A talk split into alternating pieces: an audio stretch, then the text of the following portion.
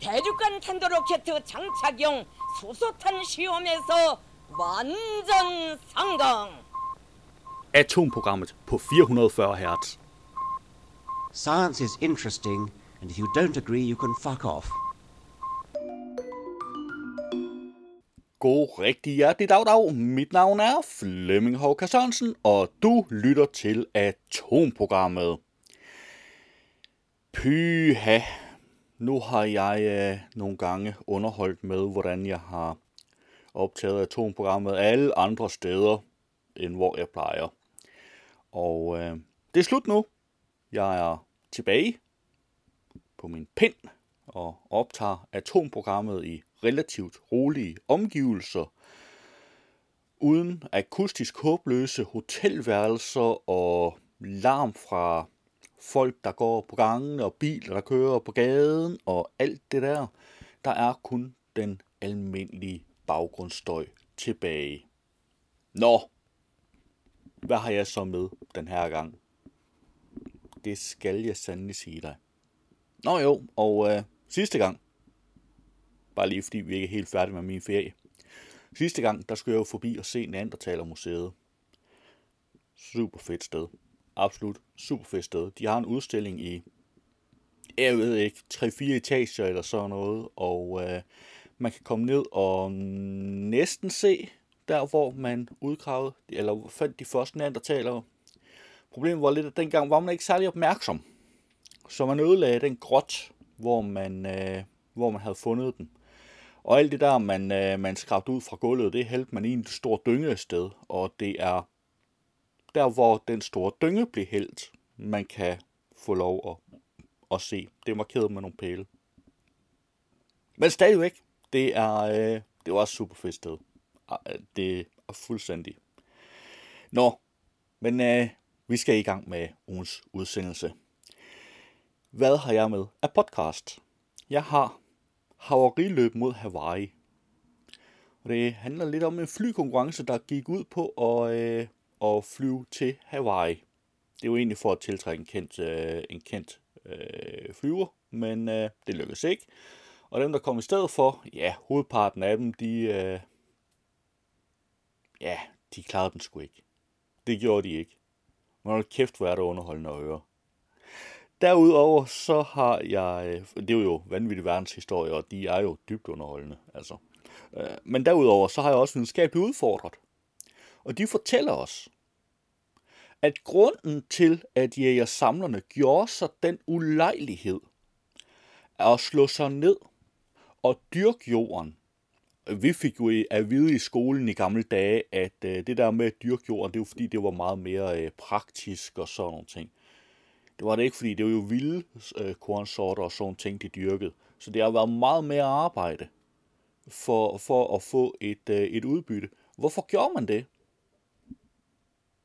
Ja, nu er der jo nogen, der siger, at øl ikke er svaret på alt, men øh, det er i hvert fald svaret på, hvorfor mennesket begyndte at dyrke jorden, i stedet for at leve som jæger-samlere.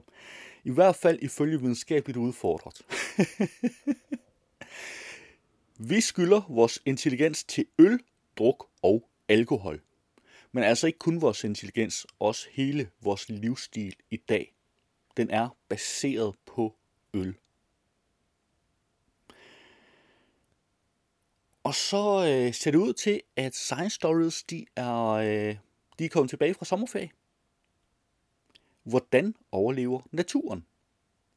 Og det er ikke en dino-podcast. Det var ellers en super fed serie. Men øh, jeg har ikke noget at høre den endnu. Jeg antager, at, øh, at det er lige så fedt, som det plejer at være. Det er bare, men altså igen, det er bare en antagelse. Jeg har haft ret de andre gange, så det håber jeg lidt, jeg også har den her gang. Men, øh, men det er altså Science Stories, der er tilbage fra sommerferie. Selvom de selv har hævdet, at de ikke har været på sommerferie. Nå, jeg har også nogle nyheder med, og hold nu helt op, hvor har jeg mange nyheder med. I hvert fald dem der, vi skal høre de der små korte klip fra. Rekordvarme i Grønland smelter milliarder af ton indlandsis. Og det bekymrer mig. Fordi, hvad skal vi så gøre? Nej, har vi ikke øh, indimellem siddet en varm sommerdag og, og fået enten en, øh, en, en kold, øh, kold cola eller et eller andet med isterninger i, et glas vand med isterninger i, ikke også? Hvis nu al indlandsisen smelter, hvor skal vi så få isterninger fra? Okay, det kan godt være, det var et problem, jeg opfandt, og der måske er større problemer ved det her. Lad os lige springe lidt videre. Se de vilde videoer. Meteorer lyser himlen op over Norge og Texas. Og jeg kan så godt røbe allerede nu, at radio er stadigvæk ikke noget super godt medie til videoer. Men jeg fortæller lidt om, øh, jeg har lidt af teksten med her, og så, øh, og så kan du selvfølgelig klikke på linket i show notes og se videoerne. Forskere forvandler vand til guldlignende materiale i vildt eksperiment. Og det var så tosset en nyhed, jeg blev nødt til at klikke på den og læse den, og så tænkte jeg, den bliver jeg nødt til at skære med, fordi det var så seriøs en nyhed, at den skulle med. Ekspert om dødelig svampeinfektion. Den vil komme til Danmark. Og øh, nej, jeg tror ærligt talt ikke, vi skal være sønderlig bekymret. Den har en dødelighed på 50, nej, 40-50 procent. Til gengæld så øh, blev den opdaget til i 2009, og de næste 11 år, der havde den ramt 4.733 personer i 33 lande. Altså skal vi ikke sige sådan, risikoen for at blive ramt af den her, sender den ikke helt på katastrofekurs. Skulle ked af at sige det. Det er ikke en svamp, jeg er imponeret over. Vi har også her stenbrud i England gemmer på oldtidsdyr med alienagtige fangearme. Puha. Godt, det er oldtidsdyr. Sjældent krigsskib opdaget i sunken by. Og her tænker jeg, at det kan også være krigsskib, der sunken. Formodentlig efter byen. Nå, øhm, ny kemofri kræftbehandling kan redde danske liv. Og jeg var lige ved at springe den over. Det erkender jeg gerne. Jeg var lige ved at springe den her nyhed over. Fordi det handler altid om en behandling, der er minimum 10 år ude i fremtiden. Nix. Den her, den er godkendt til brug i Danmark nu. Fedt. Det vil sige, det her det er formodentlig en af dem, jeg ville have sprunget over for 10 år siden. Nej, er det ikke utroligt, hvor mange revolutionerende kræftbehandlinger vi indimellem øh, læser om i diverse medier. Ikke også? Og så ligger de så langt ude i fremtiden, at vi tænker, ja, det vil sige, I er ikke færdige med, med alle øh, forsøgene. Så det vil sige, at det kan godt tænkes, at den ikke er så, så revolutionerende alligevel, når det kommer til stykket. Nå, men den her, den, øh, den ser ud til at, at være the real thing. Derudover, så har vi ugens nyhed. Og øh, jamen, øh, jeg fandt en, øh, jeg fandt en pressemeddelelse fra jeg tror det var Statens Serum Institut, og den danner grundlag for ugens nyhed. Jeg har så selv skrevet en ugens nyhed. Virker vaccine, har jeg valgt at kalde den. Og så ser vi ellers på tallene. Fordi vi ser jo samtidig nogle Facebook-opslag fra folk, der mener, at det kan ikke betale sig at lade sig vaccinere, fordi vi kan stadigvæk risikere at blive smittet, selvom vi er vaccineret. Og øh, vi kan også stadigvæk øh, bære smitte, hvis vi er vaccineret. Så hvad er i det hele taget er der overhovedet nogen gevinst ved at blive vaccineret? Jeg har kigget på tallene. Tallene fra pressemeddelelsen fra Statens Serum Institut. Og øh, ja, resultatet, det kan du så høre i ugens nyhed. Derudover så skal vi have noget ugens atom, og øh, jeg tror nok, jeg er færdig med at være doven så jeg må til at øh, finde et fint nyt atom til os. Jeg kan ikke blive ved med at være sommerferiedoven og så tage en, et tidligere atom. Også fordi så mange atomer har jo ikke været igennem, at jeg sådan kan gøre det med god samvittighed, uover lige når jeg kan undskylde mig med sommerferien. Og så skal vi selvfølgelig slutte det hele af med ugens nyhedsoversigt fra NASA. Lad os kaste et hurtigt blik på, hvilke podcasts, der er dukket op i løbet af ugen. I denne uge er der også en ny udgave af Science Stories podcasten. En af de mest kendte biodiversitetsforskere, Edward O. Wilson, skrev for snart 30 år siden om det spørgsmål, som han blev stillet mest omkring livets biodiversitet. Hvis tilstrækkeligt mange arter bliver udryddet, vil økosystemet så kollapse, og vil udryddelsen af de fleste andre arter følge efter snart. Det eneste svar, nogen kan give på det spørgsmål, er muligvis. Men når vi finder svaret, er det måske allerede for sent. En planet, et eksperiment. Og professor Carsten Rabeck, vi er i gang med den sjette store masseudryddelse. Hvordan overlever naturen? Det var en lille bid af Science Stories, og du kan naturligvis finde et link i show notes. I denne uge er der en ny udgave af Videnskabeligt Udfordret. Fint nok, man brygger øl for 13.000 år siden, og hvad så, Mark? Ja. Det, det er så der, det er interessant, at det kommer i diskussionsafsnittet. Fordi det, der er særligt ved de her natufianere, det var, at det var de aller, aller første, der begyndte at dyrke landbrug, i stedet for at være læger og samlere. De var også de første, der begyndte at lave semipermanente bosteder. Og man mener også, at det er dem, der har opfundet ølbrygning. Mark, Mhm. mm-hmm. Mark, Mark. Man mener, at den primære grund til, at de her natufianere, de stoppede med at være jæger samlere, Nej, stop. var for at brygge øl. Ej, okay, what? Nu stopper du. Er årsagen til menneskelig civilisation. Det, er det, det, nu, det stop, stop, stop, stop. Nej. Okay, så du prøver du at fortælle mig, du fortæller mig simpelthen, at der var et stenalder samfund, der var, lad os sige, at de har været øhm, produktive, har været Mhm. mm-hmm. ude og, og hente, hente en hjort hjem en gang om ugen eller sådan noget, sådan at alle kunne få noget at spise. De har måske været nomader og været ude at vandre Ja, og du ja. ved, lave ting og sådan noget. Og så gik så en dag, så var der en eller anden, der, der fandt noget korn, tykkede på noget korn, spyttede det ud, og så dagen efter drak han det igen. og så sagde de alle sammen, stop, stop, stop. Jeg henter aldrig en hjort mere, jeg bliver hjem. Det der, det er for fedt. Jeg skal have. Jeg kan få tre. Jeg skal have dem. Kan man få den i mørkere udgave? Kan, jeg vil gå, kan, kan den være en stout? Det skal jeg have. Ej, mm, det er lige noget pænt skum, der er på den. Åh, ja, kæft, mand. oh, har du et e-fad? Den er godt røget, den her. Nej, Mark. Det er, hvad? Det, og ved du hvad? Det her, det er ikke engang kontroversielt. Det er alle enige om. Ja! Det var et lille klip af Videnskabeligt Udfordret. Du kan finde et link i show notes.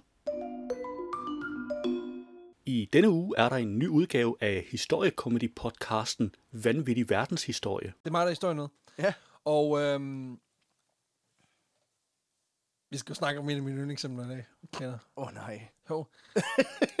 Fordi øh, vi skal igen, øh, vi skal gå op i himlen den her gang. Hvad er det? Hvor- Okay. Vi skal endnu en gang tage et dyk ned i flyhistoriens early days. Men vi skal også snakke om noget, som har fascineret mig dybt altid. Nemlig det her med ekscentriske rige mennesker, der laver sindssyge konkurrencer for at skabe fed PR. Jeg tror, det var næsten det samme setup, du brugte i de sidste afsnit. Ja. Fedt. Men, øhm, Jeg ved, det er din yndlingsting, så Ja. det er jo super fedt. Og i dag der skal vi nemlig snakke om det, der hedder The Dole Derby. En legendarisk flyvekonkurrence, som blev afholdt i 1927. The Dole Derby. Ja, Det er ikke Storke Derby. nej. Nå. Det er ikke Stokke Derby, det er uh, Dole Derby. Dole Derby. Ja. Og som jeg jo altid gør, så Dole lige... som i øh, de der rosiner. Ja, præcis, faktisk. Fordi som jeg altid gør, så synes jeg lige, vi skal bakke et lille stykke tilbage, for at forstå, hvorfor den her konkurrence den overhovedet blev til noget. Ja. Dagens historie, den udspiller sig nemlig blandt andet på Hawaii. Og det Uh, er her... Aloha. Aloha. Og det er... er... Præcis, det der. Hold dig for spritten. Um, og det er her, kimen til den her konkurrence, den bliver lagt. Det var et lille klip af Vanvittig Verdenshistorie. Du kan finde et link i show notes. Det var et overblik over ugens podcasts. Ugens nyhed er baseret på informationer fra en pressemeddelelse fra Statens Serum Institut. Virker vaccinerne? Det er jo altid et interessant spørgsmål, specielt når vi hører, at færdigvaccinerede personer bliver smittet med covid-19. Lad os se på nogle tal. Lad os dog først starte med at se på forventningerne til vaccinerne. Traditionelle vacciner, og altså ikke kun dem mod covid-19, ligger typisk på 60-70%. De nye mRNA-vacciner mod covid-19, som indgår i det officielle danske vaccinationsprogram, forventes at yde 95% beskyttelse mod den oprindelige SARS-CoV-2 alfa-variant. Det tal forventes at være lavere for Delta og Delta Plus varianterne. Delta-varianten er pt. den dominerende her i landet. Godt så. Med alt det på plads, så lad os se lidt på virkeligheden. SSI har udsendt en pressemeddelelse med nogle ganske interessante tal. Førstegangsvaccinerede udgør 10,8 procent af de smittede. Fuldt vaccinerede personer, men før den fulde effekt af vaccinen er sat ind, udgør 2,8 procent af de smittede.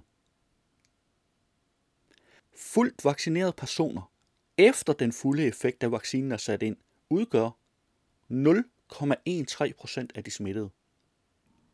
Det er faktisk rimelig imponerende og en god del lavere end de 5%, man oprindeligt officielt forventede ved fuldt vaccinerede personer. Og så endda ved Delta-varianten. Jeg tror ikke, det vil være helt urimeligt at konstatere, at vaccinerne virker. De virker ikke bare godt, men langt over forventning.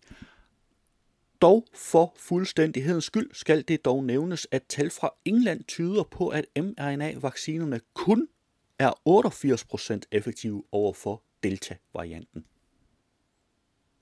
Du kan naturligvis finde et link til den pressemeddelelse, hvor jeg har fundet alle tallene i show notes. Lad os se på nogle af ugens nyheder. På Ekstrabladet har jeg fundet rekordvarme i Grønland smelter milliarder af ton indlandsis. Forskere har i denne uge registreret en massiv afsmeltning af Grønlands iskappe efter rekordvarme i den østlige del af landet. Det skriver avisen The Guardian fredag. Og det er altså fredag for lidt over en uge siden. Det var en nyhed, jeg fandt lige efter redaktionel deadline sidste uge. Varmen er nået hele vejen ind til Grønlands midte og indlandsisen, der alene tirsdag smeltede 8,5 milliarder ton is. Det viser data fra polarportal.dk, der drives af danske institutioner som blandt andet DMI og GIUS, der forsker i Arktis. Omfanget af afsmeltningen er så stort, at det ville være nok til at dække et område knap fire gange så stort som Danmark i 5 cm vand. Jeg vil gerne lige indskyde her, at det var en dum måde at angive det på. Var det ikke nemmere at sige, at det kunne dække et område på størrelse med Danmark med 20 cm vand? På BT har jeg fundet ekspert om dødelig svampeinfektion. Den vil komme til Danmark. 40-50% dør, hvis de bliver smittet, og antibiotika hjælper ikke. Sådan fortæller læge- og forskerleder ved virksomheden Sani Notch, Marco Bo Hansen, om svampen med navnet Canadida auris, en svamp, han har kendskab til gennem sit arbejde. Og netop Canadida auris skal man holde øje med, da den har bredt sig til 123 personer i USA i løbet af 2021 og har kostet tre af de smittede personer livet.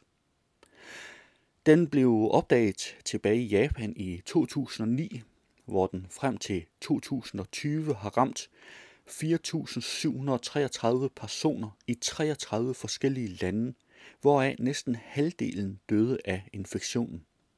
Norge og Tyskland har haft få tilfælde af infektionen, men svampen er endnu ikke nået til Danmark. På BT har jeg fundet, ny kemofri kræftbehandling kan redde danske liv. Kemobehandling, knoglemavstransplantation og en nedsat livskvalitet.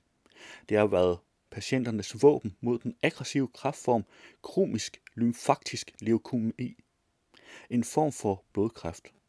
Men nu kan ny medicinsk behandling muligvis redde flere kræftpatienters liv.